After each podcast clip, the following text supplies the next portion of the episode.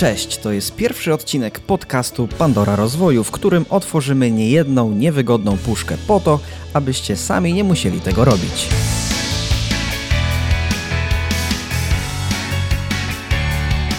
Dzisiaj porozmawiamy o tym, w jaki sposób rozpocząć proces budowania własnej marki osobistej, dlaczego nie warto zadawać pytania dlaczego oraz co zrobiłby Dawid Świstek, gdyby w tym momencie musiał zaczynać swoją działalność od zera.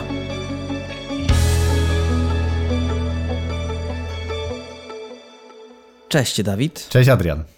E, miło mi Cię słyszeć i w sumie miło mi Cię gościć, a w sumie nie tyle Ciebie gościć, bo to trochę ja jestem gościem w tym podcaście, chociaż mimo wszystko jestem hostem, a Ty jesteś tutaj nazwiskiem, gwiazdą tego podcastu. E, podcastu... No, gwiazdą to bym tak, y, wiesz, no nie przesadzał, ale generalnie no, ciężko jest tutaj nazwać, kto tu będzie prowadzącym, bo tak naprawdę ten podcast robimy trochę wspólnie, bo pomysł wyszedł gdzieś tam, wiesz, w czeluściach naszych dyskusji, więc jestem sam ciekawy, jak to będzie wyglądało, ale pomysł jest na pewno ciekawy i warty uwagi. Jak najbardziej. Ja się ogromnie cieszę, że taka inicjatywa w ogóle ma miejsce, e, bo nie wiem, czy widzowie wiedzą, słuchacze w sumie bardziej, czy słuchacze wiedzą, a pewnie nie wiedzą, kim jestem, e, bo na co dzień jestem w Twoim zespole. Zajmuję się troszkę marketingiem, troszkę tworzeniem różnych grafik, stron internetowych. E, no i fajnie też być gdzieś tutaj bardziej na świeczniku i nie może, nie, nie tyle co twarzą być na świeczniku, co bardziej być głosem. A jak powiedziałeś, gdzieś napisałeś mi na Messengerze, że mój głos jest miły do słuchania. To mnie bardzo wzmocniło. Wiesz, ja jestem z tych osób, która, która lubi wyciągać talenty i perełki. Jak, e, że tak powiem, e, słuchacze pewnie nie wiedzą, ale znaleźliśmy się gdzieś na Instagramie i tak nawiązaliśmy współpracę, jestem z niej zadowolony. Jak pierwszy raz z tobą rozmawiałem przez telefon, to mówię, on ma fajny głos, ja go potrzebuję do czegoś, co chcę zrobić, ale jeszcze nie wiedziałem, że to będzie podcast. I, i tak żeśmy tutaj e, trafili. Więc może tak w skrócie, jakbyś powiedział, kim jesteś może z zawodu, bo to też jest mega ciekawe i myślę, że dla ludzi to też będzie bardzo pomocne w tym, jak będziemy prowadzić naszą rozmowę i dyskusję. Boję się trochę przyznawać do tego, bo mój zawód już wiąże się z pewną łatką, ale mimo wszystko powiem. Y, jestem psychologiem, skończyłem psychologię w sumie w roku ubiegłym, w 2020 na Uniwersytecie Wrocławskim. No i przez czas studiów, przez ten okres studiów zajmowałem się promowaniem tej psychologii i wymiaru rozwoju osobistego, takiego stricte troszkę naukowego, troszkę chciałem naukę przekuć w praktykę, teorię w praktykę i troszkę mi to wychodziło, troszkę nie, ale w każdym razie e, jestem jak najbardziej, byłem jak najbardziej zainteresowany tym, co ty robisz i śledziłem twoją aktywność też wcześniej, e, no bo też gdzieś mnie ujęło to takie podejście bardzo praktyczne, czyli mimo wszystko jest teoria, która stoi mocno za tobą, ale widziałem, że strasznie duży nacisk kładłeś już na e, praktykę i przez długi czas ciebie już wcześniej obserwowałem, o czym być może nie wiesz, ale gdzieś tam też... To jest bardzo ciekawe właśnie, że mhm. nas też połączyła jedna taka trochę wizja, bo ty z punktu takiego psychologicznego masz takie bardzo rzeczowe podejście do wielu rzeczy i też rozumiesz moje podejście e, i jesteśmy daleko od takiego, wiesz, e, gwiazdorzenia i opowiadania jakichś rzeczy, które są wyrwane z kosmosu, stąd też w sumie pomysł na ten podcast, bo właśnie w rozmowie wyszło, że fajnie by było ludzi uświadomić i pokazać im w obszarach czy rozwoju, czy biznesu, czy zdobywania kompetencji, właśnie takich psychologicznych, ale nie tylko psychologicznych, ale takich bardzo praktycznych narzędzi, które rzeczywiście dają realną wartość, a nie są, wiesz, wiesz, po prostu jakimś opowiadaniem gruszek na wierzbie albo wymyślonym sobie, wiesz, z kosmosu technik, które nagle w 5 minut sprawią, że będziesz bogaty i będziesz po prostu stwórcą wszelkiego dobra, które cię otacza, no nie? No dokładnie tak, bo ja też miałem problem z rozwojem osobistym na tej zasadzie, że bardzo się wkręciłem pewnego czasu i moje zdrowie psychiczne uległo całkowitej... Yy nie wiem jak to nawet nazwać, po prostu całkowicie... Destrukcji, o tak, tak, to, to jest dobre słowo, destrukcji uległo, e, więc to podejście, o którym ty mówisz, jest bliskie memu sercu, no i właśnie stąd też dzisiejszy temat podcastu, czyli o budowaniu marki osobistej na płaszczyźnie nie tyle teoretycznej, co też praktycznej, z tym, że dzisiaj będziemy zajmować się samą koncepcją tworzenia marki osobistej, no i na samym starcie chciałbym zadać pierwsze pytanie tobie jako praktykowi, e, czyli co ma zrobić osoba, która chce założyć swoją markę osobistą, ale tak jakby nie wie, w którą stronę kompletnie pójść? Nie wie od czego zacząć, w co uderzyć i jak to w ogóle powiązać jeden koniec z końcem drugim. Okej, okay, e, bardzo fajne pytanie. W ogóle ja na wstępie, zanim na nie odpowiem, chciałbym, żeby nasi słuchacze wiedzieli, że ja nie znam pytań, które mi zadajesz. Cała konwencja właśnie polega też na tym, że Adrian przygotowuje tematy, przygotowuje różnego rodzaju pytania, które mogą być nawet dla mnie lekko niewygodne. Ja się na to zgodziłem, pomimo tego, że e, pracujemy razem w zespole, ale ten podcast robimy na równym poziomie. Tu nie ma żadnej hierarchii, że tak powiem, jak w firmie ktoś jest, nie wiem, prezesem, ktoś pracownikiem i tak dalej. Tylko tutaj robimy to razem i ja zgodziłem się na taką wersję, żebyś mógł mi zadawać różne pytania, więc pewnie w kolejnych odcinkach, a może i w tym, będą takie pytania, które będą lekko kontrowersyjne, być może trudne, ale chcemy wspólnie właśnie z Adrianem pokazać bardzo fajny kierunek tego rozwoju. I pytanie dotyczące marki osobistej, jak od niej zacząć, to przede wszystkim uważam, że pierwszą, najważniejszą, nadrzędną rzeczą, którą trzeba zrozumieć, to jest rozróżnienie marki osobistej od bycia celebrytą. Niejednokrotnie spotykałem się z tym, że ludzie myśląc marka osobista, myślą, że mają milion lajków, milion e, komentarzy, milion subskrypcji, że to jest marka osobista, że jeżeli jestem sławny, to równa się mam markę osobistą. I niestety to jest podstawowy błąd, ponieważ marka osobista może mieć małe zasięgi, ale być silną marką osobistą. Znam takich sportowców, którzy wcale nie muszą być jak Cristiano Ronaldo, a będą solidną marką osobistą, tak jak na przykład Jakub Błaszczykowski. Jego nazwisko jest więcej warte niż e, to, co mógłby zaoferować nam Cristiano Ronaldo. I wiele oczywiście firm, marek współpracuje z, z Kubą Baszczykowskim właśnie poprzez to, co on sobą pokazuje. I teraz, Czyli co by mam... było tym KPI-em, jeśli chodzi, bo jeszcze mam takie pytanie, co jest tym takim KPI-em, że marka osobista jest dobra i to jeszcze nie wkracza w celebryctwo, a mimo wszystko jest silna i stabilna? Przede wszystkim duże przywiązanie i zaufanie do marki. Jeżeli ktoś jest celebrytą, to ma duże zasięgi. Pewnie y, kojarzysz, bo też y, znasz się trochę na YouTubie. Jest wielu YouTuberów, którzy mając duże zasięgi, mieli grono popularności, komentarzy, wszystkiego. Momentalnie, kiedy ta popularność, w sensie zasięgi, aktywność spadła, ci ludzie odsuwali się momentalnie od tych twórców, nie podążali za nimi pomimo wszystko. Jeżeli jesteś solidną marką osobistą, to nawet kiedy masz gorsze momenty, kiedy jest źle, to ci ludzie są za tobą, ci ludzie cię wspierają, ci ludzie nie chcą, żebyś odchodził, bo mają do ciebie duże zaufanie i kiedy potrzebujesz pomocy, to właśnie wtedy widzisz, czy byłeś celebrytą, czy byłeś gwiazdą. I celebryctwo właśnie cały czas dąży do od, y, robienia takich kontrowersyjnych rzeczy.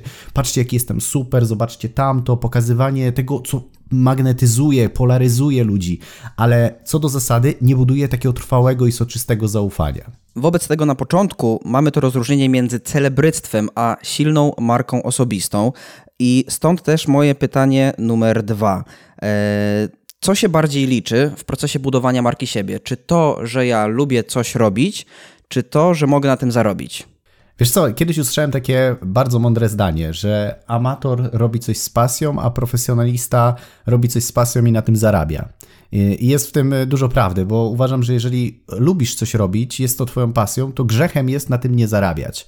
Wiesz, jak patrzę sobie na sportowców, na poetów, na różnego rodzaju innych, y, w innych specjalnościach, w innych branżach, to no, ciężko jest mi zrozumieć ludzi, którzy mówią, że oni nie wezmą za to ani grosza. No bo jeżeli robisz coś dobrze, daje to światu wartość, no to dlaczego tego nie monetyzować i tych pieniędzy nie inwestować w to, żeby jeszcze lepiej wykonywać to, co lubisz robić? No bo jeżeli jesteś pasjonatem jeżdżenia na rowerze, no to możesz kupić sobie rower. Ale jeżeli na, tym rowerze będziesz mógł dać ludziom wartość, wygrać zawody i kupić sobie jeszcze lepszy rower i jeszcze dać więcej wartości dzięki temu, no to grzechem jest tego nie robić. To jest taki grzech trochę zaniechania, ale z drugiej strony rozumiem, że często to jest też taka wymówka, wiesz, żeby pokazać, że ja jestem taki, wiesz, porządny, bo u nas w Polsce jest taka, wiesz, takie podejście na zasadzie, że ja będę bardziej ubogi, to wtedy będę taki bardziej e, dobry. No bo wiesz, jeżeli zarabiasz pieniądze, to już jesteś przedsiębiorcą, a wiadomo, jakie koneksje ma przedsiębiorca w naszym kraju. No nie do końca dobre, prawda?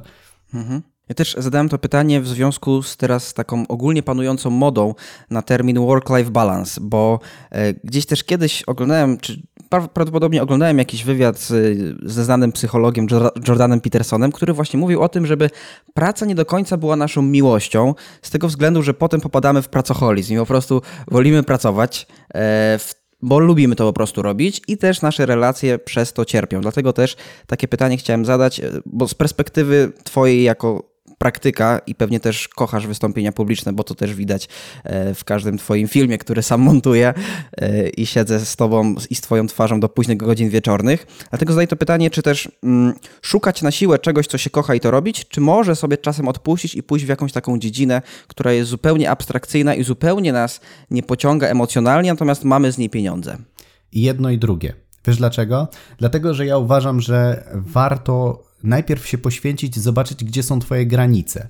Bo fajnie jest powiedzieć work-life balance, y, odpoczywaj, ale gdzie są te granice? Każdy tak naprawdę powinien wyznaczyć swoje granice, bo dla kogoś spędzone 3-4 godziny w domu będą w zupełności wystarczające i w pełni satysfakcjonujące, żeby mieć to poczucie głębi relacji, bo to też nie zawsze ilość czasu jest wyznacznikiem tego, jak spędzamy ten czas, ale jakość, bo ja wolę spędzić 2-3 godziny z kimś bliskim i dać mu te 3 godziny uwagi, a nie 5 godzin, z czego połowę i tak będę patrzył w smartfona i przeglądał Facebooka, tak? Więc to jest kwestia optymalizacji, kwestia znalezienia balansu w swoim życiu, bo jeżeli potrafisz się na coś poświęcić, ja przez wiele moich ostatnich lat poświęcałem się na maksa budując swoją markę w to, żeby nauczyć się perfekcyjnie występować i poszło to na to dużo godzin i dopiero wtedy zrozumiałem, gdzie jest ta granica, ile ja chcę rzeczywiście pracować, ile jest dla mnie korzystnie i w który poziom daje mi poczucie szczęścia, a nie właśnie wchodzenie na ten poziom takiego pracoholizmu. Oczywiście, jak już wejdziesz na wysoki poziom, to chcesz pracować więcej, no bo widzisz postępy, widzisz efekty, budujesz markę, masz zasięgi, chcesz dotrzeć do jeszcze większej liczby osób. Nawet nagrywając ten podcast, widzisz, poświęcamy czas, a moglibyśmy robić coś innego. Natomiast widzimy w tym wartość. Y, natomiast z drugiej strony, myślę, że jeżeli ktoś zrobi coś fajnego, to sam będzie w stanie też potem z tego zrezygnować do takiego poziomu, który będzie przez niego akceptowalny, bo ja również uczę się odpoczywać, bo to nie jest takie oczywiste, że jak masz firmę, czy, czy budujesz markę, że po prostu odpoczywasz sobie kiedy tylko chcesz, bo zawsze z tyłu głowy jest to poczucie, a mógłbym coś w tym czasie zrobić. I zakładam, że jeżeli wśród naszych słuchaczy jest wielu przedsiębiorców, czy ludzi, którzy zajmują się na poważnie tym, co robią w życiu, to niejednokrotnie mieli coś takiego, że siedząc na kanapie mieli, a może bym coś jednak zrobił, może bym wykorzystał ten czas bardziej produktywnie. I wtedy się uczymy. Na tym polega życie. Czasami to jest droga kompromisów i nie jestem zwolennikiem ani zbytniego odpoczywania, ani przepracowania, szukania balansu, ale to każdy ten balans musi znaleźć u siebie, bo ja nie jestem osobą, która może ci powiedzieć, co jest idealne, bo jestem chyba ostatnią osobą, która mógłby coś, mogłaby coś takiego stwierdzić. Ale też swoją drogą zapisałem, że work-life balance to będzie jeden z kolejnych e, tematów odcinków podcastowych, bo nie znam twojego workflowu takiego na co dzień, bo też pracujemy zdalnie, e, zwłaszcza teraz. Tylko, tylko nie pytaj mnie o całkiem wszystkie szczegóły, bo wiesz, bo mogą się wydać rzeczy, których może nie chcę mówić, chociaż w sumie. Nie no, chociaż w sumie zobaczymy. To jeszcze nie dzisiaj. E, dzisiaj rozmawiamy okay. o marce osobistej e, i mm, kolejne moje pytanie jest związane z pewnym narzędziem, e, bowiem kiedy jeszcze studiowałem psychologię i też chodziłem na jakieś różne szkolenia z rozwoju osobistego, to na każdym szkoleniu, ale absolutnie na każdym szkoleniu jest tak zwana analiza SWOT, czyli swoje słabe strony, mocne strony, szanse i zagrożenia. Jak podchodzisz do tego narzędzia? Czy warto go wykorzystać na początku swojej drogi E, budowania marki osobistej. Wiesz co, e, ja bardzo sobie z jednej strony cenię różnego rodzaju narzędzia, e, różnego rodzaju metody, czy nawet takie, wiesz, testy osobowościowe, które są, bo one zawsze gdzieś nam coś pokazują, ale z drugiej strony zauważyłem współpracując z wieloma ludźmi, a pomagam ludziom też budować marki osobiste. Stworzyłem kilka naprawdę fajnych marek osobistych, w tym też zresztą swoją. I zauważyłem, że robienie tego typu, typu testów na samym początku może być dużym problemem z tego powodu, że My się bardzo szybko kategoryzujemy. Uświadomienie sobie swoich mocnych stron oczywiście jest istotne, natomiast jeżeli nie eksplorowałeś tego tematu tak dogłębnie, to ciężko jest tak zero-jedynkowo dzisiaj stwierdzić, w czym ja jestem dobry. Bo ja się nauczyłem, że czasami trzeba puścić człowieka w nieznane, wpuścić go w jakiś taki temat, który on może powiedzieć, że jest jego słabą stroną, a okaże się, że jest jego mocną stroną, bo wydawało mu się, że jest to słaba strona, ponieważ gdzieś tam z tyłu głowy miał takie przekonanie. I wielokrotnie nawet, y, kiedy rozmawiam z różnymi znajomymi od marketingu, to też mówią, że kiedy proszą klientów o zrobienie X zadania, to mówią, my tego nie zrobimy, bo my się na tym nie znamy, po czym jak robią, to okazuje się, że to świetnie u nich działa. Tylko gdzieś w głowie było przekonanie. I często jak zadaję ludziom pytanie, w czym jesteś dobry, w czym jesteś zły, to ten człowiek nie ma dostępu czasami takiej głębokiej introspekcji własnych, silnych i mocnych e, bądź słabych stron, że co, to, co cokolwiek by napisał, może być pewną formą jakby potwierdzenia tego, w co wierzy. A ja pracując z ludźmi przede wszystkim pozwoliłbym sobie eksplorować. Czyli jeżeli gdzieś czujesz jakiś kierunek, nie do końca jesteś przekonany, czy to jest to, to ja bym zaryzykował, bo nie ma innej możliwości jak doświadczanie i z tego wyciąganie wniosków, bo na tej bazie jesteś w stanie realnie na faktach operować, co rzeczywiście jest fajne. Oczywiście można zrobić taki test, pytając na przykład osoby, z którymi współpracowaliśmy, czyli żeby to ktoś nam powiedział, jak on nas widzi z zewnątrz, bo często to będzie bardziej obiektywne niż to, co my powiemy na, sam na swój temat, ponieważ my bywamy bardzo krytyczni względem siebie. Kiedyś nawet napisałem taki post, dlaczego warto nie zadawać sobie pytania dlaczego. ponieważ kiedy coś się popsuje i zadasz sobie pytanie, dlaczego to się zepsuło, to na pewno znajdziesz same negatywy. E, będziesz się jeszcze bardziej dołował, wkręcał, tylko ja kiedy dzieje się jakiś problem, a nie mam osoby trzeciej, z którą mógłbym to przedyskutować, to wtedy zadaję sobie pytanie, jak mógłbym z tym sobie poradzić. Szukam rozwiązania szybko, a dopiero potem dyskutując z osobą trzecią szukam powodów, dlaczego tak się stało, bo dopiero kiedy mam osobę z zewnątrz, ona widzi coś, czego ja nie potrafię dostrzegać, nie? Więc to jest też bardzo istotny element, więc z jednej strony mógłbym powiedzieć, zawsze ja tak podchodzę w ogóle do rozwoju, że jest jedna strona i druga i zawsze szukam balansu, ale z jednej strony warto sobie wypisać, ale zrobiłbym to ewentualnie z kimś, kto nas dobrze zna, ktoś, kto obiektywnie z zewnątrz na nas popatrzy, gdzie nas widział, a nie zawsze to, co my widzimy, bo my możemy mieć swoje przekonania, które nas będą blokować, a uwierz mi, że wiele osób ma takie przekonania, jeżeli chodzi o wyjście do ludzi, pokazanie siebie, pochwalenie, po, po, pogratulowanie sobie czegoś, co osiągnąłeś, żeby opowiedzieć o tym publicznie, marka osobista musi to robić, że ludzie powiedzą, to nie jest moja silna strona. Zresztą ucząc ludzi wystąpień publicznych, jakbyś zadał komuś pytanie, czy, jest, czy potrafisz mówić, czy to jest twoja silna strona, to 99,9% powie ci, że nie, że on nie potrafi mówić, nie? Bo, bo wszyscy się tego boją. A okazuje się, że po dwóch, trzech dniach ktoś mówi, kurczę, przecież ja to potrafię świetnie robić, to jest moja mocna strona, nie wiedziałem, że mogę w ten sposób na przykład. Więc, więc to jest taki temat rzeka. Ja na samym początku nie robię czegoś takiego. Bardziej zbieram to, co mamy, czyli szukam jakiegoś mm, takiego zasobu, w sensie szukamy, jakie mamy sukcesy, co nam wyszło. Na tej bazie szukamy i pokazujemy, czyli próbujemy to, że tak powiem, pokazać światu w odpowiedni sposób i szukamy. Ja na samym początku budowania mojej marki osobistej, tak ci tylko w skrócie już powiem, ja trzy razy zmieniałem moją drogę. Dlaczego? Dlatego, że dopiero doświadczanie pokazało mi, co jest rzeczywiście moją mocną stroną. Ja na samym początku chciałem ludzi uczyć, wiesz, hipnozy, uczyć bardzo głębokich tematów, takich psychologicznych. Pracowałem, wiesz, jako coach bardziej niż jako trener, ale z czasem zauważyłem, że jednak to nie jest to. Ja w tym jestem dobry, ale to nie jest coś, co sprawia mi taką, wiesz, potężną radość. I dopiero potem zauważyłem, że świetnie odnajduje się w komunikacji, w budowaniu marki, biznesu czy, czy nauki wystąpień publicznych. To jest mi dużo bliższe mojemu sercu. I nigdy bym ci nie powiedział, że moją mocną stroną mogą być wystąpienia publiczne. Nigdy w życiu bym tego nie powiedział, a dzisiaj to jest fakt. To jest coś, co nie podlega żadnemu, żadnej wątpliwości, no nie? Mhm. Gdybyś w ogóle w ten sposób odpowiedział mi na Messengerze, na pewno ta odpowiedź, którą przed chwilą powiedziałeś, dostałaby ode mnie serduszko, bo była bardzo bliska mojemu sercu z tego względu, że poruszyłeś masę w ogóle e, informacji, masę rzeczy, masę poglądów, z którymi się w 100% zgadzam, zwłaszcza z tym pytaniem dlaczego, bo to też takie modne się stało ostatnio od tego Simona Sinka, który tam e, na TEDzie wystąpił, ta jego książka Start with Why i tak dalej, a ludzie nie widzą w tym pytaniu dlaczego zagrożenia, chociaż ono jest tak naprawdę zagrażające, bo ono mówi, że dlaczego, czyli coś może być albo źle, albo dobrze i ono jest tak jakby w 100% zero-jedynkowe. Bardzo się cieszę, że to w ogóle powiedzieć, bo to jest też taki mm, wątek, który uważam, że powinniśmy tutaj szczególnie, no skoro nazwa naszego podcastu to, wiesz, y, Pandora rozwoju, no to trzeba powiedzieć o tych rzeczach, które czasami są niewygodne.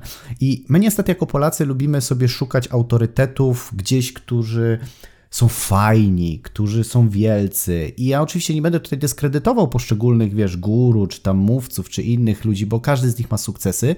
Natomiast wielokrotnie właśnie zauważyłem to, co powiedziałeś wcześniej, że ludzie nie widzą zagrożeń.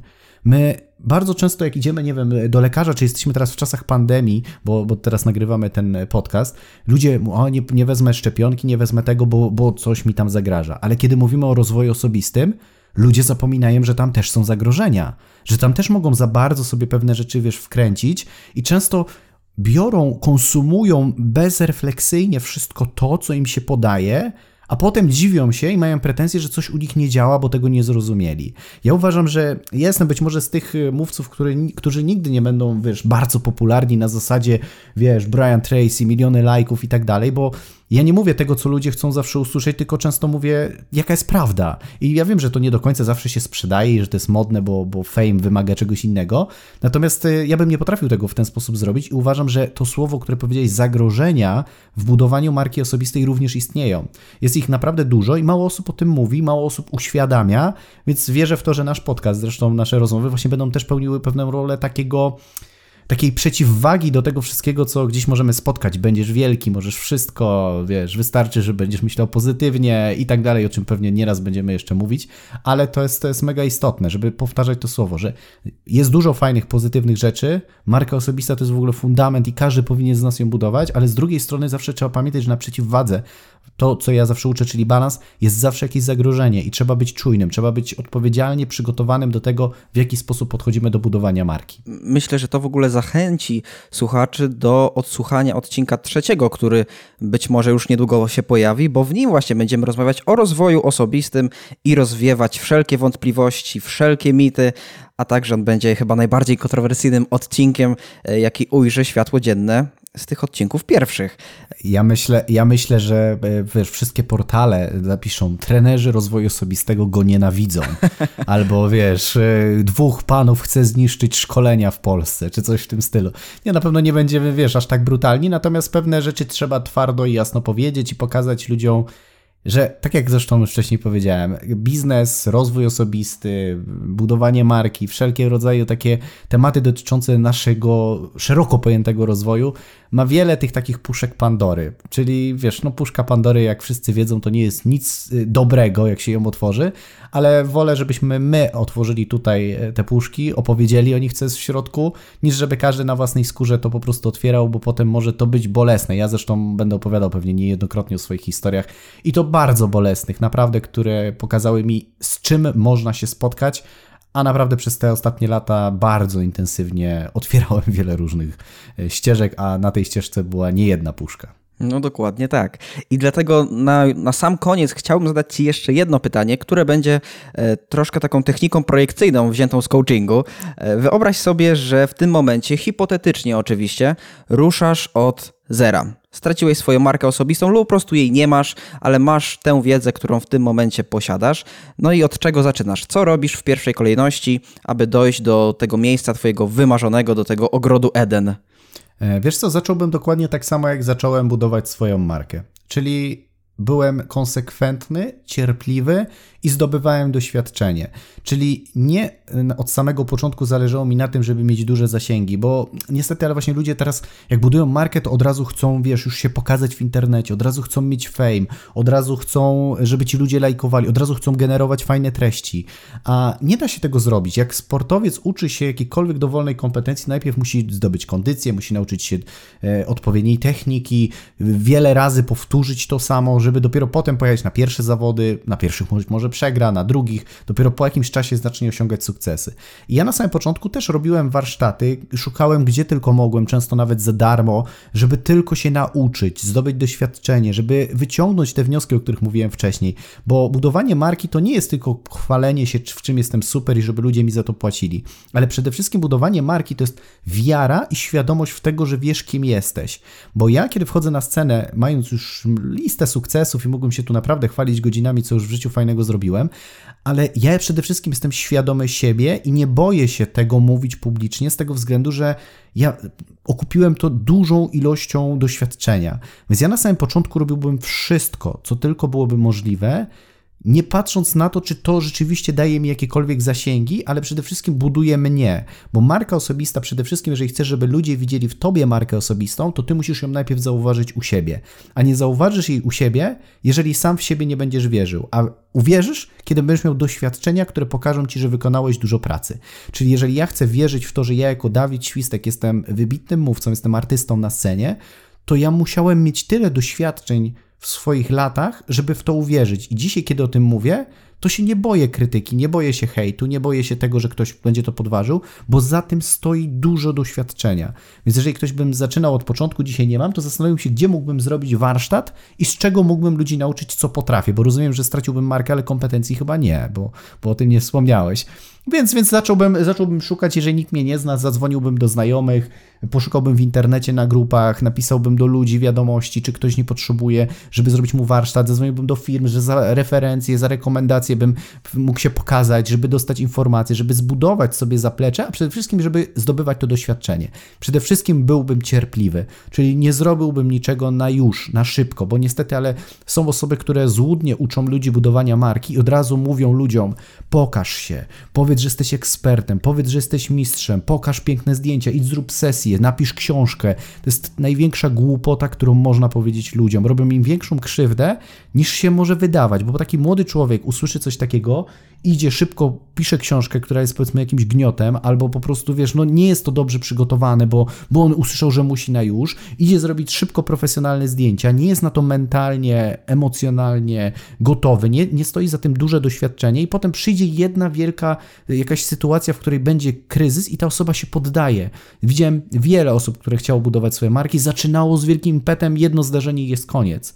Osoba, która buduje świadomie markę, to jest osoba, która to robi konsekwentnie, czyli nie idziesz od razu na siłownię 150 na klatę, tylko dokładasz po 5 kg, co każdy trening ćwiczysz sobie, rozciągasz się, dbasz o dietę, bierzesz holistycznie, a nie tylko po to, żeby od razu wyjść, pokazać światu, jaki jesteś super. Więc jeżeli ktoś wam mówi, że tak się buduje markę, to nie słuchajcie tych ludzi, bardzo Was proszę, bo możecie sobie wyrządzić więcej krzywdy niż będzie to rzeczywiście korzy z korzyścią dla Was. Czyli padło tu kilka ważnych rzeczy. Przede wszystkim, że budowanie marki jest procesem. Po drugie, wymaga on jak każdy proces cierpliwości i wytrwałości e, w działaniu, w dążeniu do celu. No i trzecia ważna rzecz, która mnie jako szczególnie psychologa cieszy, to to, że budowanie marki to jest nie tyle tak jakby kwestia biznesowa i to jest kwestia autoprezentacyjna, tylko to jest praca na przekonaniach, tak? Dokładnie tak, bo jeżeli masz dobre przekonania, to potem zastosować proste strategie biznesowe, czyli wiesz, y, zrobić fajne szkolenie online, to potem już wszystko idzie dalej, y, że tak powiem, jako efekt uboczny. Potem naprawdę bardzo fajnie. Często ludzie właśnie, kiedy uczą się różnych technik, kupują kolejne kursy, kolejne szkolenia z marki i nie robią tego, bo większość trenerów nie pracuje na przekonaniach. Ja kiedy robię warsztaty, to moją pierwszą rzeczą, którą robię, kiedy uczę ludzi wystąpień publicznych, to jest zmiana ich mentalności, zmiana ich przekonań, przeramowanie im tego, w co wierzyli do tej pory, jeżeli chodzi o wystąpienia, bo nawet jak ja im dam techniki, jak mają występować, to oni choćbym nie wiem, jak bardzo się starał, ich nie zastosują, bo mają blokadę mentalną. To jest tak, jakbyś, wiesz, dał komuś broń, kazałbyś strzelić strzelić w obronie, a ktoś bałby się nacisnąć spust, no to nic by nie zrobił. Rozumiesz o co chodzi? I to jest bardzo ważne, żeby zrozumieć, że zawsze dobry trener, e, nauczyciel, bo uważam, że każdy powinien mieć wielu różnych nauczycieli i od każdego czerpać, powinien, powinieneś wymagać od niego pracy i na przekonaniach, i na teorii, czyli z jednej strony dostawać narzędzia, strategie, ale z drugiej strony, żeby naprawił twój mental. I często ten mental wymaga więcej pracy, bo potem wdrożenie technik już jest dużo prostsze. Jeżeli piłkarz jest dobrze mentalnie zmotywowany, nastawiony i wyjdzie na mecz, to bardzo fajnie już jest go łatwo ustawić taktycznie do meczu, niż kogoś, kto w ogóle jest, wiesz, zdemotywowany, nie chce mu się i wtedy mu dajesz taktykę, bo i tak jej nie zastosuje. Więc to jest bardzo istotne i mało osób to po prostu rozumie. Więc jak najbardziej to jest proces wytrwały. Oczywiście jest wiele strategii biznesowych, ale byśmy musieli tu zrobić odcinek, który by trwał, wiesz, wiele godzin, żeby opowiadać w jaki sposób budować archetyp marki, w jaki sposób tworzyć wariancje marki, czyli żeby nie opierać się tylko i wyłącznie na jakimś jednym elemencie, na jednym wskaźniku, bo to też jest bardzo często taki błąd ludzi, że szukają jednej rzeczy, obok której chcą się zaczepić, na przykład mówią, mam książkę, jestem super, mam książkę, jestem super, a dla innych będzie fajnie, jak będziesz rzeczywiście na przykład pisał artykuły, ktoś inny będzie nagrywał podcast. Stąd też ta forma, którą my robimy, bo moja marka osobista to z jednej strony książka, którą napisałem, z drugiej strony e, jest mój kanał na YouTubie, który też będziemy wspólnie rozbijać, jest podcast, teraz zaczynamy, jest prowadzenie swoich social mediów, są klienci, szkolenia online, stacjonarne i tak dalej, więc jest różne formy tego, żeby pokazywać moją markę, w różnych obszarach, w różnych wariancjach. I bez względu na to, czy sprzedajesz ciuchy, czy jesteś sportowcem, czy jesteś psychologiem, trenerem, nie ma to większego znaczenia. Każdy z nas musi mieć szereg wachlarzy, wariancji, bo to powoduje, że Twoja marka jest soczysta. Też myślę, że w przyszłości poruszymy ten temat, w jaki sposób się bardziej reklamować, w jaki sposób docierać do grupy docelowej, w ogóle jak taką grupę docelową stworzyć. A dzisiaj skupiliśmy się głównie na tym, w jaki sposób zbudować markę osobistą na przestrzeni takiej typowo koncepcyjnej i wydaje mi się, że na wszystkie pytania e, pan prezes odpowiedział brawurowo. E, no, czy jeszcze coś, Dawidzie, tak chciałbyś dodać?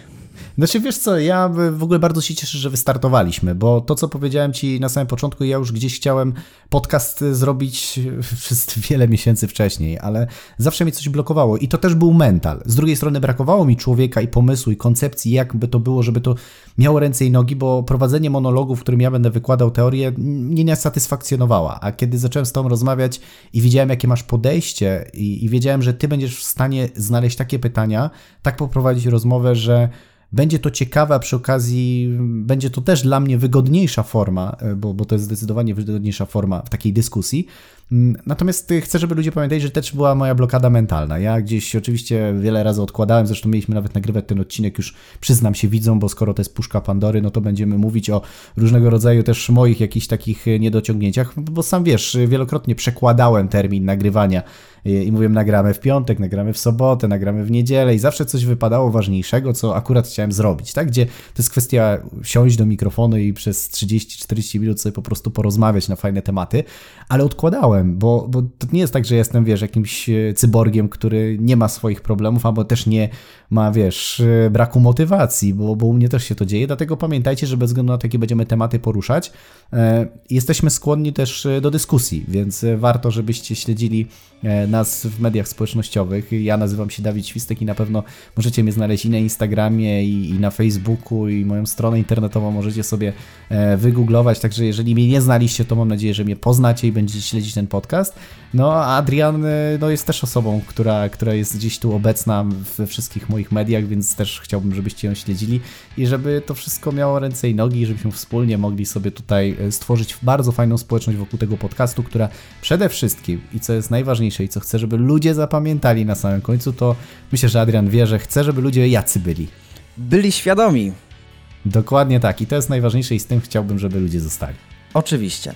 Także dziękuję Ci, Dawidzie, bardzo serdecznie za rozmowę. Ja Słuchaczom dziękujemy za odsłuchanie tej rozmowy do końca i życzymy wszystkiego dobrego, miłego dnia. I do usłyszenia w następnym odcinku.